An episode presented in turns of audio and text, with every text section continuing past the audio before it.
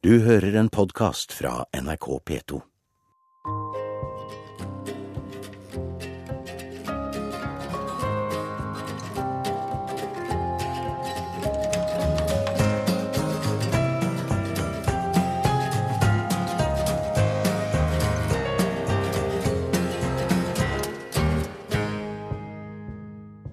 Lille Leon er bare ti måneder. En vital, nysgjerrig gutt på full fart inn i livet. En nydelig liten forsker. Jeg snakker med mamma om hvordan hjelpe han til å forstå livet og reglene. Og hva gjør du når du etter gjentatte ganger har sagt at dette ikke er lov, og du flytter han bort? Jeg blir sint på han. Hva gjør du da? Jeg kan skrike til han av sint stemme, men det hjelper jo ikke, og han begynner jo å gråte. Blir du så sint at du slår han? Ja, jeg gjør det, både pappaen og tante og jeg. Vi slår ham på hånden og på rumpa. Han gråter enda mer, selv om jeg ikke slår hardt. Hvordan kjennes dette ut for deg? Det er dårlig, og jeg blir lei meg. Familien til lille Leon trodde at denne metoden var det som skulle til for at han skulle lære. Gjennom flere samtaler, veiledning og andre måter å oppdra ham på, fikk både Leon og familien et bedre liv. Og det var en stor takknemlighet fra mor, og volden ble stoppet. Jeg er Solveig Ude, er helsesøster i Oslo, og skal dele med dere om en hjertesak i over 25 år. Hvordan forebygge og avdekke fysisk og psykisk vold mot barna våre. Jeg har et brennende engasjement for å være barnets stemme mot vold, overgrep og omsorgssvikt, og at alle vi som jobber med barn skal se og handle når vi blir bekymra for et barns livssituasjon, helt fra de er nyfødte og bare kan uttrykke seg med gråten sin.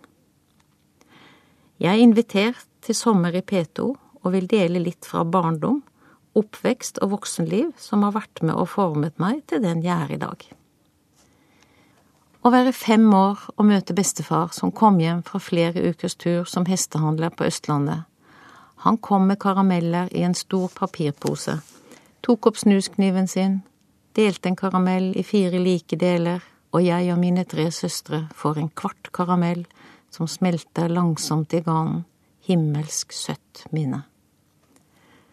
En vakker og varm augustdag i 1947 ble jeg født på Voss, hjemme på gården Ygre som nummer tre i søskenflokken. Jeg vokste opp på en liten bondegård med vanlige husdyr, ca 2000 frittgående høner og ti bikuber. Etter hvert fikk jeg fem søstre til, så både høner, bier og åtte jenter gjorde at det summet døgnet rundt på gården vår, både ute og inne.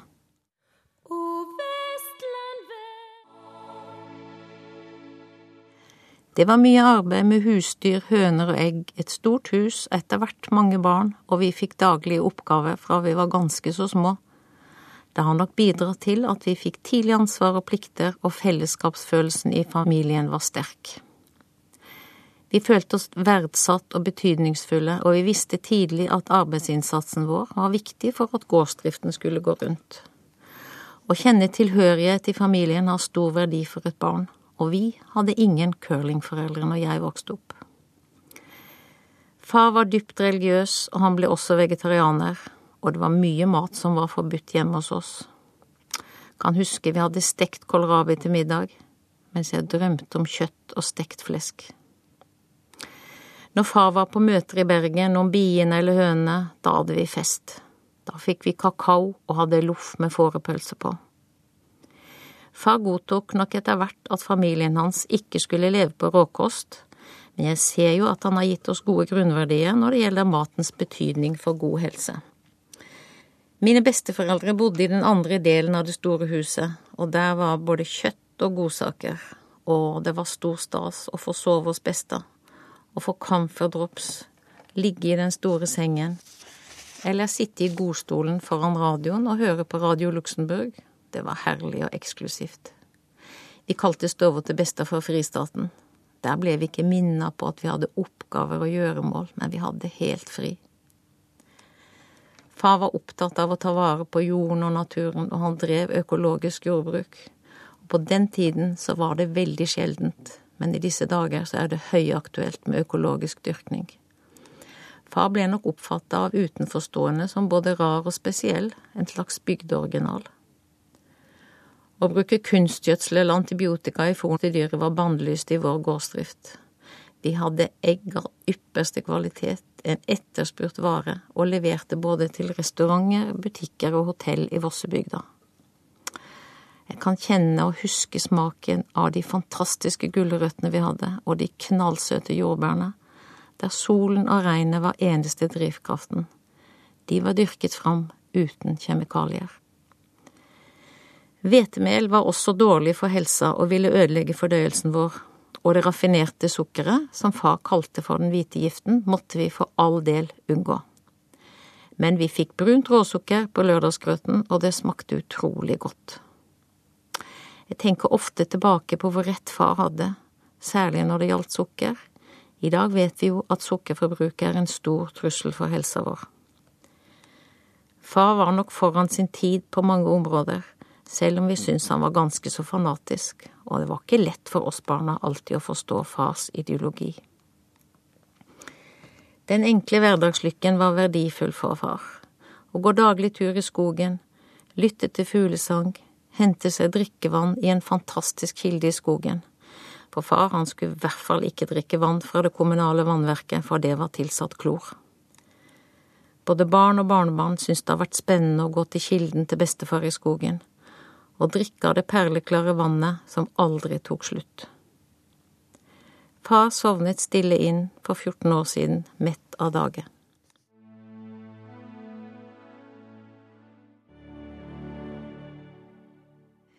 Mor var en sterk kvinne, en bauta i familien, klok og kunnskapsrik, en driftig mor med tusen jern i ilden. All mat ble laget fra bunnen av, og alle klærne våre sydde mor, i sene kveldstimer, til og med skolesekken var hjemmesydd. Det var ikke mange dødpunkt i hennes hverdag, og der har jeg nok arva litt av mors tempo, alltid litt for travel, og streve med å bare være. Jeg får litt dårlig samvittighet hvis jeg ikke gjør noen ting. Mor var engasjert i politikk, og Senterpartiet sto hennes hjerte nært. Hun satt i kommunestyret i flere bolker, og det ble delt mange historier rundt middagsbordet fra det politiske livet i Vossebygda. Hun var en ihuga nei til EU-tilhenger til det siste. Siste gang jeg besøkte henne, to uker før hun døde, ba hun meg sjekke om kontingenten til Nei til EU var betalt. Hun var en trofast støttespiller for selvråderetten i Norge helt til det siste. Jeg ser at mor har bidratt med gode verdier, ikke tåle urettferdighet eller løgner, bry oss om andre, ta ansvar og dele goder. I min barndom var det kvinnene som sto for det meste med barna, klær, mat, lekser, tilstedeværelse. Vi ble etter hvert mange barn, og det måtte være struktur med måltider og leggetider jeg kan aldri huske verken søvn eller spiseproblem for noen av oss barna. Men i min hverdag på helsestasjonen er søvn og spiseproblem noe av det mange foreldre strever med og søker råd og hjelp for. Jeg opplever at dagens foreldre er travle, de er dobbeltarbeidende, det er mange tidstyver, for eksempel sosiale medier, som gjør at foreldrene kanskje ikke er ordentlig til stede. Fokus er på så mye, og de vil klare alt perfekt og gjerne fremstå som vellykket, alt skal gå raskt. Det er en slags utålmodighet, og jeg tror at det kan bli strevsomt for barna, og det kan gå utover regulering både på søvn, mat og følelser. Mor gjorde aldri forskjell på oss barna, hun oppmuntret oss til å få til det vi måtte eller ønsket og hadde som motto alle kan noe, ingen kan alt. Jeg er nok en stayer som sjelden gir opp varm takk til min kjære mor. Mor hadde en travel hverdag, men når kvelden kom, tok hun seg tid og satt på sengekanten og fortalte gode historier, og til slutt så sang hun for oss den første sang. Det er et godt og varmt hjerteminne. Mor døde for tre år siden, og hun var et skrivende menneske til siste dag. Hun skrev historien fra barndommen sin og skrev ned livet på Ygre gård med mann og åtte døtre. Det er rike minner å ta med videre inn til neste generasjon. Nå er det 20 barnebarn og snart 29 oldebarn etter mine foreldre. Far kjøpte også smalfilmkamera i 1967, som har vært flittig i bruk både i hverdagsliv og til fest. så vi har mange timer med herlige minner festet til filmrullen.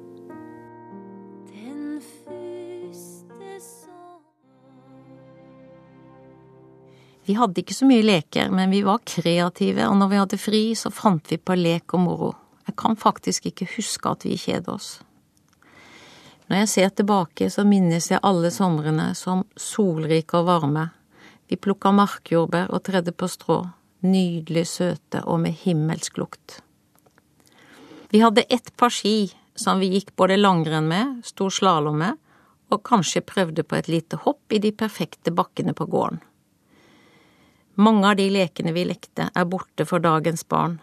Det var vippe på pinne, nikken med ball, før krig, og vi hoppet i høyet.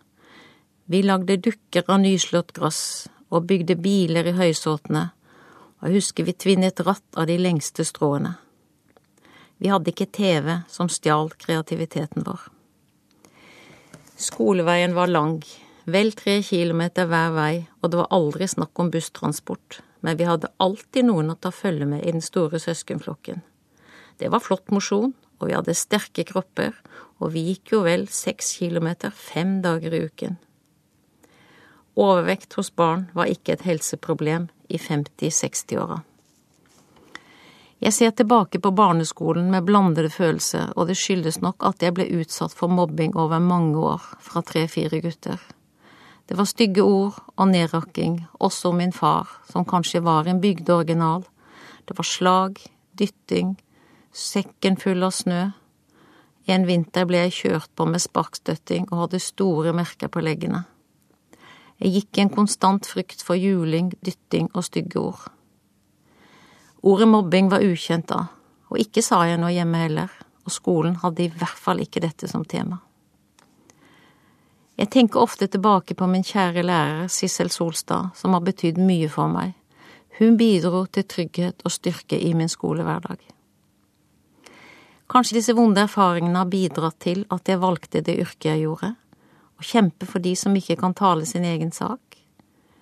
Å jobbe i et omsorgsyrke og bety noe for andre, særlig være barnas talsperson, har nok vært god terapi for noen såre minner fra skoletiden. Jeg er faktisk i tvil om mobberne forsto hva de utsatte meg for.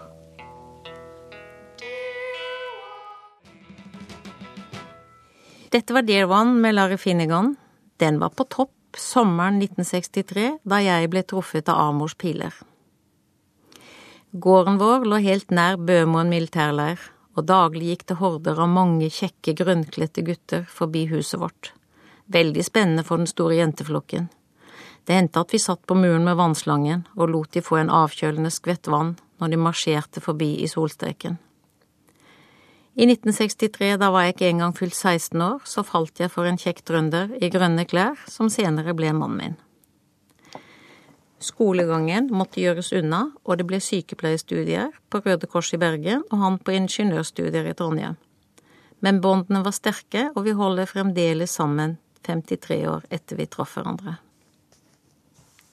Det var mange travle og spennende år på kirurgisk avdeling på Ullevål sykehus, og mellom 1971 og 79 fikk vi tre flotte døtre. Den gang var det kort svangerskapspermisjon og raskt tilbake på jobb. Helsesøsteryrket lå mitt hjerte nærmest når jeg ville ta videre utdanning.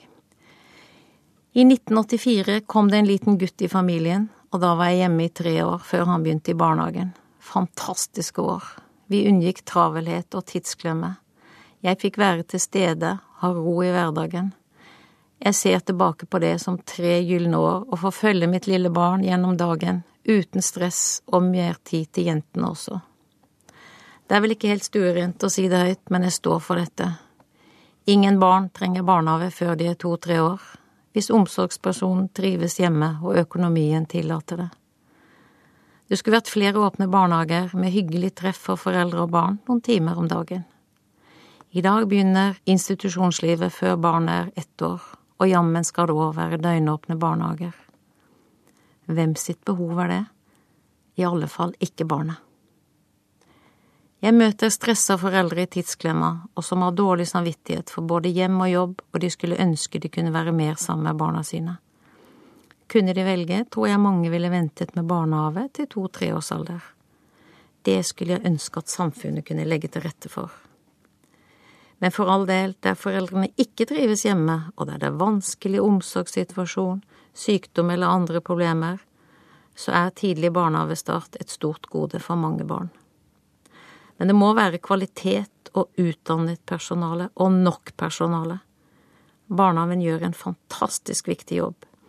De er med og former barna for resten av livet, gir de verdier, læring og sosial kompetanse. Jeg har hatt fantastiske år i min helsesøsterjobb og møtt hundrevis av familier fra hele verden, med sine historier og farverike klesdrakter, eksotiske matdufter og spennende ritualer når de får barn, som å smøre surma på øynene så de skal bli store og klare, amulett rundt halsen eller festet på klærne som skal beskytte mot det onde øyet. Det er reiving og surre tøystykket tett rundt barnet så det finner roen. Det er bønner og massasje og trykke på nesen så den får riktig form, og mange, mange flere. Før fant ofte hjemmebesøket til det nyfødte barnet sted i foreldrenes dobbeltseng. Barnet lå i midten i sengen på det store silketeppet, og med storfamilien samlet rundt sengen. Stolte og nysgjerrige på damen som skulle undersøke det fine lille barnet, og som hadde med vekt og målbånd. Servering var en selvfølge når jeg kom, noen ganger med altfor søte kaker eller deilig tyrkisk te, og treretters middag har jeg også fått. Det er alltid stor gjestfrihet hos familiene uten etnisk norske røtter. Å møte familien hjemme er en helsesøsters varemerke. Hjemmebesøkene er utrolig verdifull for å bli kjent, gi veiledning og se barnet i hjemmets omgivelser. Å skape relasjon ved å være nysgjerrig på deres historie og bakgrunn gir masse kunnskap om andre kulturer og setter mine norske røtter i et annet perspektiv. Det har vært mange sterke møter med flyktninger og asylsøkere som har reist langt, hatt en farefull ferd, men som har holdt motet oppe og endelig nådd sitt mål. Et ukuelig livsmot hos mange som er beundringsverdig. Hva de har klart? Ta vare på sitt lille barn, gi det trygghet og omsorg, og ha utkastelsesspøkelset hengende over seg, det står det respekt av. Tenk deg å ikke vite hvor du bor om en måned, eller om du får opphold. Helsesøster skal bidra til å styrke foreldrerollen, gi veiledning, se og handle, og tørre å utfordre foreldrene på det som er strevsomt i foreldreskapet.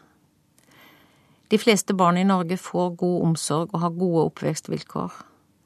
Jeg har bare erfaring fra mitt arbeid i Oslo, og vi vet at det er store sosioøkonomiske ulikheter på Oslo øst og vest. Det handler om økonomi, utdanning, jobb, bolig, ernæring og fysisk aktivitet. Å forebygge samt gi hjelp til barn med overvekt og fedme har også vært en hjertesak for meg i mange år. Det er en enorm belastning for et barn som sliter med overvekt, mobbing, dårlig selvbilde og høy risiko for alvorlige sykdommer. Å bidra til at foreldrene blir bevisste på å velge sunn mat, ha fellesmåltid og gi gode matvaner tidlig, er nøkkelen til å få dette til. Idrettsutøverne våre har med egen mat og kokk til sine mesterskap for å prestere optimalt fysisk og mentalt. For barna våre som skal vokse og få god helse, så hviler ansvaret både på foreldre og på samfunn. Det handler om kunnskap og økonomi. Mat handler også mye om følelser. Eli Rygg sa i et TV-program noen svært kloke ord. Det er ingen som spør hvorfor barna blir feite. Bak overvekt og fedme så ser jeg ofte at barn har tilleggsproblem. De har strevsomme liv og mangel på omsorg for sine følelsesuttrykk, som de kompenserer med mat for å døyve den indre smerten. Nå er vi pålagt å veie alle barn på første, tredje og åttende klassetrinn, men det fulgte ikke midler med til å følge opp de avvikene vi finner. For meg og mange med meg er dette uetisk. Tenk om vi skulle målt blodtrykk på alle 40-åringer i Norge, og ikke gjøre noe med de avvikene som ble funnet. Det hadde aldri blitt akseptert. Det har vært givende og lærerike møter med mange hundre skolebarn som jeg har møtt gjennom årene. Barna stiller kloke spørsmål om det meste, og de deler både gleder og bekymringer når vi er sammen. Det er viktig å la barn få sette ord på det som er vanskelig, og være en hjelper videre i systemet der det er nødvendig. Det er mange ensomme barn som savner kontakt med sine travle foreldre, og noen har kommet med så klare meldinger. En liten seksåring sa, Mamma, er du mer glad i mobilen din enn i meg? En annen uttrykte det slik, Mamma trøster meg ikke når jeg gråter, hun sitter bare der med telefonen og iPaden hele tiden. Noen ganger står det en liten flokk utenfor døren min sånn 7.40 for å få en rask prat før de skal på leksehjelp klokken åtte. Nydelige små morgenfugler som kanskje vil bli sett og bekreftet og si hei.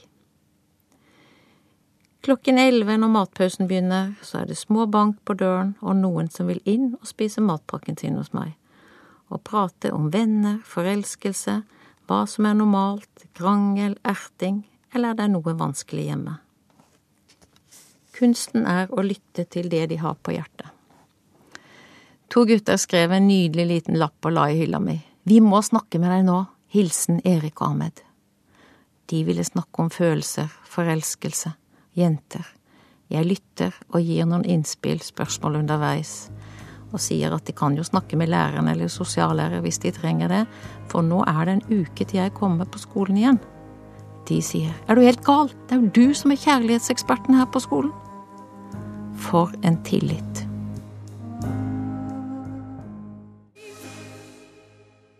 Du hører på Sommer i P2. Jeg er Solveig Ude. Jeg er helsesøster i Oslo. Når vil jeg dele noen historier fra min hverdag som gir meg troen på at fysisk og psykisk vold må snakkes om, og at barn og foreldre må få hjelp til å få det bedre sammen. Her er tre historier som barn har fortalt meg. Mammaen min er veldig sint på meg, og når det sinte kommer, kjennes det ut som hun slår meg. Jeg ser at pappa blir rasende, han blir helt rød i ansiktet og kommer helt nærme meg, og jeg blir veldig redd, og jeg blir helt stiv som en statue inni meg. Jeg er redd han skal drepe meg. De slår meg når jeg ikke spiser fort nok eller ikke er sulten, eller når jeg krangler med broren min. Her er tre historier som foreldre har fortalt. Jeg vet ikke hva jeg skal gjøre, hun hører jo ikke på meg, og det hjelper ikke å kjefte, så da slår jeg henne på hånden eller på rumpa, men jeg angrer med en gang, hun er jo så liten, hun er jo bare ett år. Jeg gråter når jeg har skreket til han og slått han, og tenker at jeg aldri skal gjøre det igjen, og angrer veldig mye, selv om jeg ikke slo så hardt. Det er ingen som har spurt meg før hva jeg gjør når jeg blir sint på barna mine, og jeg skammer meg over det jeg gjør. Jeg vil bli deres bestevenn og vil ha hjelp til å bli en bedre mamma. Jeg hadde bestemt meg for at jeg aldri skulle bli som min mamma. Hun var veldig mye sint, og hun kunne plutselig slå. Men jeg ser jo nå når vi snakker om dette, at jeg nesten er fanget i en felle og gjør det jeg ikke vil. Jeg har jo blitt som min mamma. Dette er sterke historier som gir meg trua på at vi må forebygge og avdekke vold mot barna våre. Hvordan få til å oppdra barn uten å krenke dem med sinne eller fysisk vold? Hvorfor blir jeg så sint på barna mine, er det mange som spør.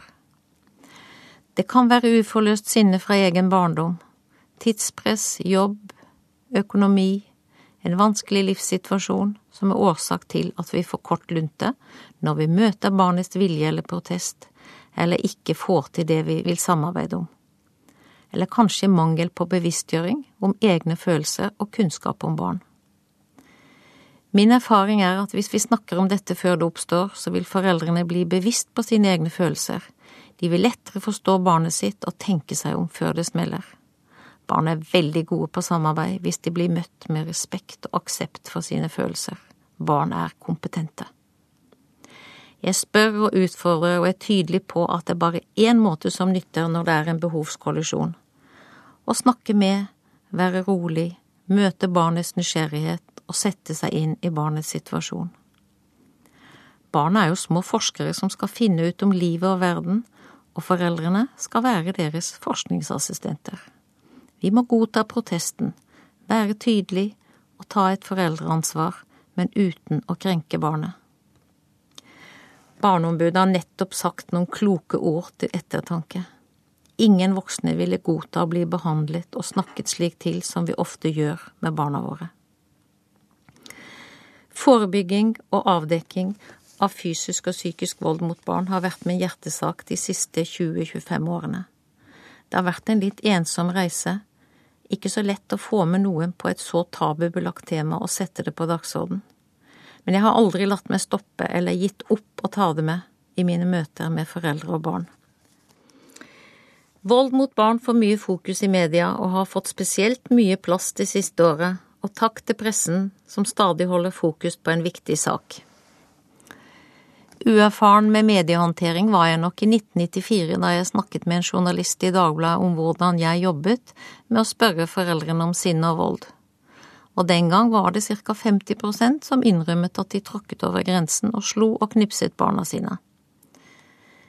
Den gang ble det et stort mediatrykk, og jeg ble refset fra ledelse og flere ganger på det berømte teppet. Jeg hadde hengt ut en bydel med negativ omtale av foreldrene, og opplevde at det var hakket før jeg fikk sparken. Men jeg fikk også mye støtte fra andre fagfolk for at jeg satte søkelys på vold, men tiden var nok ikke moden for å snakke om et slikt tabu i en større sammenheng. Nesten 20 år senere så er det et nytt presseoppslag om hvordan jeg fortsatt jobber for å forebygge og avdekke psykisk og fysisk vold mot barn. Jeg får til endringer i foreldreskapet og opplever svært takknemlige foreldre som fikk hjelp til å få det bedre sammen med barna sine. Og erfaringen min er også at det er mest mødre som slår de minste barna. Jeg vet at jeg har gjort en forskjell for mange barn og familier og reddet mange små. Hva ville skjedd videre hvis jeg ikke hadde spurt og gitt hjelp og stoppet vold og krenkelse? Vi fikk lovforbud mot vold mot barn i 2010. Det er nå nulltoleranse for all fysisk vold mot barn, men vold er mer enn blod og blåmerker. Den psykiske volden gjør om mulig enda mer skade på barna. Den syns ikke med det blotte øyet, men vi må se på barnets uttrykk, og vi må tørre å spørre, og vi må se og handle når vi blir bekymra. Etter dette medieoppslaget var det ovasjoner, blomster og anerkjennelse, både fra arbeidsgiver, organisasjoner og fagfolk og vanlige borgere fra nesten hele Norge. Jeg ble årets helsesøster i 2015 og fikk Stine Sofies barnerettspris 19. mai samme år, 15 år etter Baneheia-drapene. Den siste hederen var veldig stort for meg. Tenk at noen hadde lagt merke til og anerkjent mitt arbeid mot vold og krenkelse mot barna våre. Stine Sofies stiftelse gjør en fabelaktig jobb for barns rettssikkerhet på mange områder, og nå har de åpnet et kompetansesenter i Grimstad, der barn som er utsatt for vold og overgrep skal få en uke med gode opplevelser. Takk til Ada Sofie Austegård og hennes stab for et unikt arbeid.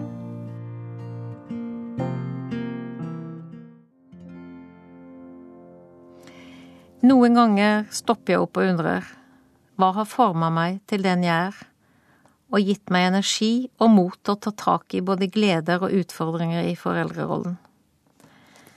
Det må være oppveksten min og det å være en del av en stor søskenflokk, en samfunnsengasjert mor og fars evne til å finne gleden i de små ting, samt hans engasjement for mat og miljø og helse. Jeg er heldig som er mamma til fire fine barn og får oppdage verden med et barns øyne. Det har gitt meg kunnskap, betingelsesløs kjærlighet, å være elsket, kjenne glede, perlende barnelatter, litt hyss og litt snørr og tårer hører også med, men i mine hjerteminner vil jeg huske de gode tingene. Jeg har ikke klart alle utfordringer i min mammarolle så bra som jeg skulle ønsket, men jeg gjorde så godt jeg kunne og det jeg trodde på, og det var ingen fagfolk som utfordret meg på noe. Alle har vi bagasje med inn i foreldreskapet fra egen barndom, både på godt og vondt. Og det må vi snakke om, for hjemmet er barnets viktigste arena for dets personlighetsutvikling.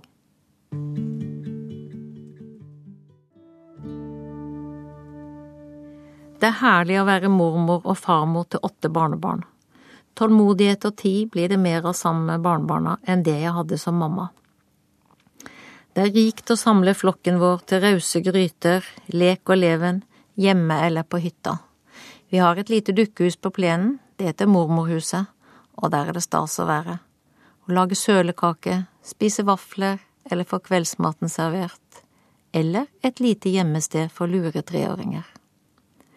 Å snekre sammen med bestefar, se på spennende, rare ting i kjeller og uthus, er også gylne øyeblikk for store og små. Dagens foreldre strever med å klare alt, og de vil gjerne fylle på med lek og aktiviteter for å glede barna sine. Noen ganger tenker jeg at foreldrene har for mye de vil gjøre. Kan det være for å kompensere for en travel hverdag, eller at de ikke alltid klarer å være mentalt til stede? Jeg tror at kreativiteten hos barna kan bli fattigere, og at barna strever med å finne på noe selv, og de kan fort kjede seg. Dagens barn har overfylte rom med leker som de fort mister interessen for. I dag har mange barn reist i store deler av verden før de er tenåringer. De er fylt opp med opplevelser og reiser fra de er bitte små. Hva skal bli deres opplevelser senere? Og gir det mer glede med store, eksotiske ferier? Det er gjort undersøkelser på hva barn ønsker seg fra foreldrene, og det er mer tid sammen med mamma og pappa i hverdagen. I min barndom var vi storfornøyd med en sommertur til mormor. Vi tok tog fra Bergen og den store Sunnhordlandbåten til vakre Stord. En hel dags reise, og mor dro dit med den store flokken sin hver sommer. Mormor sitt spennende hus, duftende roser, god mat og sukkertøy i hemmelige skåler. Godt gjemt, men vi fant de. Spennende dager med nabobarna, med frilek, sol og bad. Lykken er der, i små øyeblikk, alene eller sammen med noen, bruke naturen, og det er så rikt for meg at barnevernet fortsatt syns det er gøy i skogen, lage bondegård med pinner og kongler, myrel som blir sauer, kaste steiner i bekken, sende pinnebåter nedover bekken, og studere dyrespor på myra eller i snøen, og liste oss bort for å se om reven har spist maten bestefar har lagt ut. Vi er heldige å ha hytte på fjellet, og det er vidunderlig å senke skuldrene der, sammen med mannen min eller med en liten flokk som setter fart i tilværelsen, og deler opplevelser med bestefar og mormor. Jeg har stor glede av turer i fjellet, elsker bortoverski, vi er ivrige bærplukkere, både tyttebær og multer. Multer er skogens gull, og det kjennes som en enorm rikdom hver gang jeg ramler over en myr, full av store, gylne multer. Det er herlig å avslutte fjellturen med et bad i et iskaldt fjellvann. Lesing og strikking har også vært avkobling fra tid til annet, og jeg har stor kunnskapshunger og vil hele tiden lære mer. Jeg nærmer meg 69 år og skal sette punktum for min helsesøsterhverdag 1. oktober. Det blir litt rart, og jeg grugleder meg, men en gang er det over å være yrkesaktiv i Oslo kommune, der jeg har vært i 44 år. Jeg er stolt over at de har satt spor etter meg, og jeg vet at jeg har vært en viktig forkjemper for barns rettigheter. Jeg håper inderlig at alle voksne alltid vil tørre å se, spørre og handle. Du har hørt en podkast fra NRK P2.